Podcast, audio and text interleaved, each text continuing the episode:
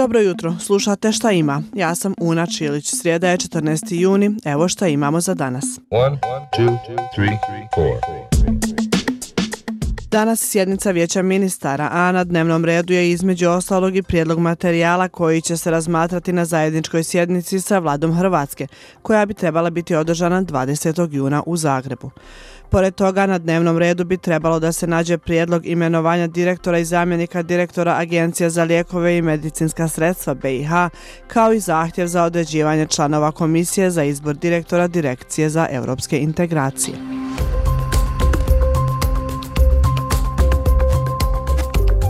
Danas počinje i sjednica Visokog sudskog i tužilačkog vijeća. Traje dva dana, a između ostalog bit će dato i mišljenje o nacrtu zakona o izmjenama i dopunama krivičnog zakonika Republike Srpske.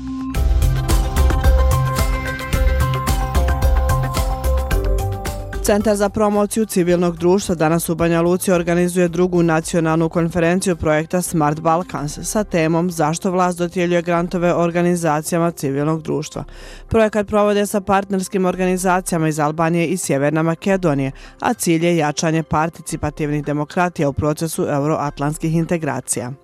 Menadžerica projekta Smart Balkans Dejana Cvjetković u izjavi za FENU je rekla da se radi o jednom od najvećih projekata koje je ikada donator dodijelio domaćim organizacijama civilnog društva. A što se projekata tiče, kaže da su vrlo različiti. Neki se tiču pravosuđa, neki e, kreiranja određenih dokumenata koji će omogućiti organima javnog upravljanja transparentnije djelovanje i veću odgovornost pram odluka koje donosi, do nekih drugih e, e, aktivnosti koje se direktno tiču građana, posebno recimo E, marginalizovanih kategorija društva ili djece i mladi koji mogu da se obrate određenoj instituciji za pomoć, posebno kada je riječ o mentalnom zdravlju ili nekim drugim izazovima sa kojima se organizacije i individue suočavaju. Ali najveći broj projekata je zapravo e, u oblasti sigurnosti i stabilnosti, jer e, cijeli projekat Smart Balkan želi da unaprijedi sigurnost, stabilnost i bolju uvezanost između šest zemalja Zapadnog Balkana. Mostaru danas događaj spasilačke intervencije gorskih službi svašavanja koji će biti održan na platovu ispred zgrade Privredne banke na Španskom trgu. Biće uručena specijalizirana oprema namjenjena gorskim službama spašavanja, a nabavku opreme finansirala je Evropska unija u okviru projekta Zajednički odgovor sa ciljem unapređenja službi za intervencije na terenu. Pored toga biće izvedena i interventna vježba spašavanja s visina koje će izvesti službe iz BiH i Crne Gore. Događaj počinje u 10 sati.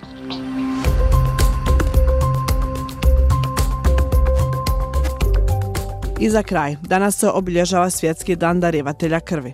Zvanično proglašen 2005. godine, ovaj dan predstavlja posebnu priliku za slavlje i zahvalnost dobrovoljnim darivaocima krvi širom svijeta, kažu i svjetske zdravstvene organizacije.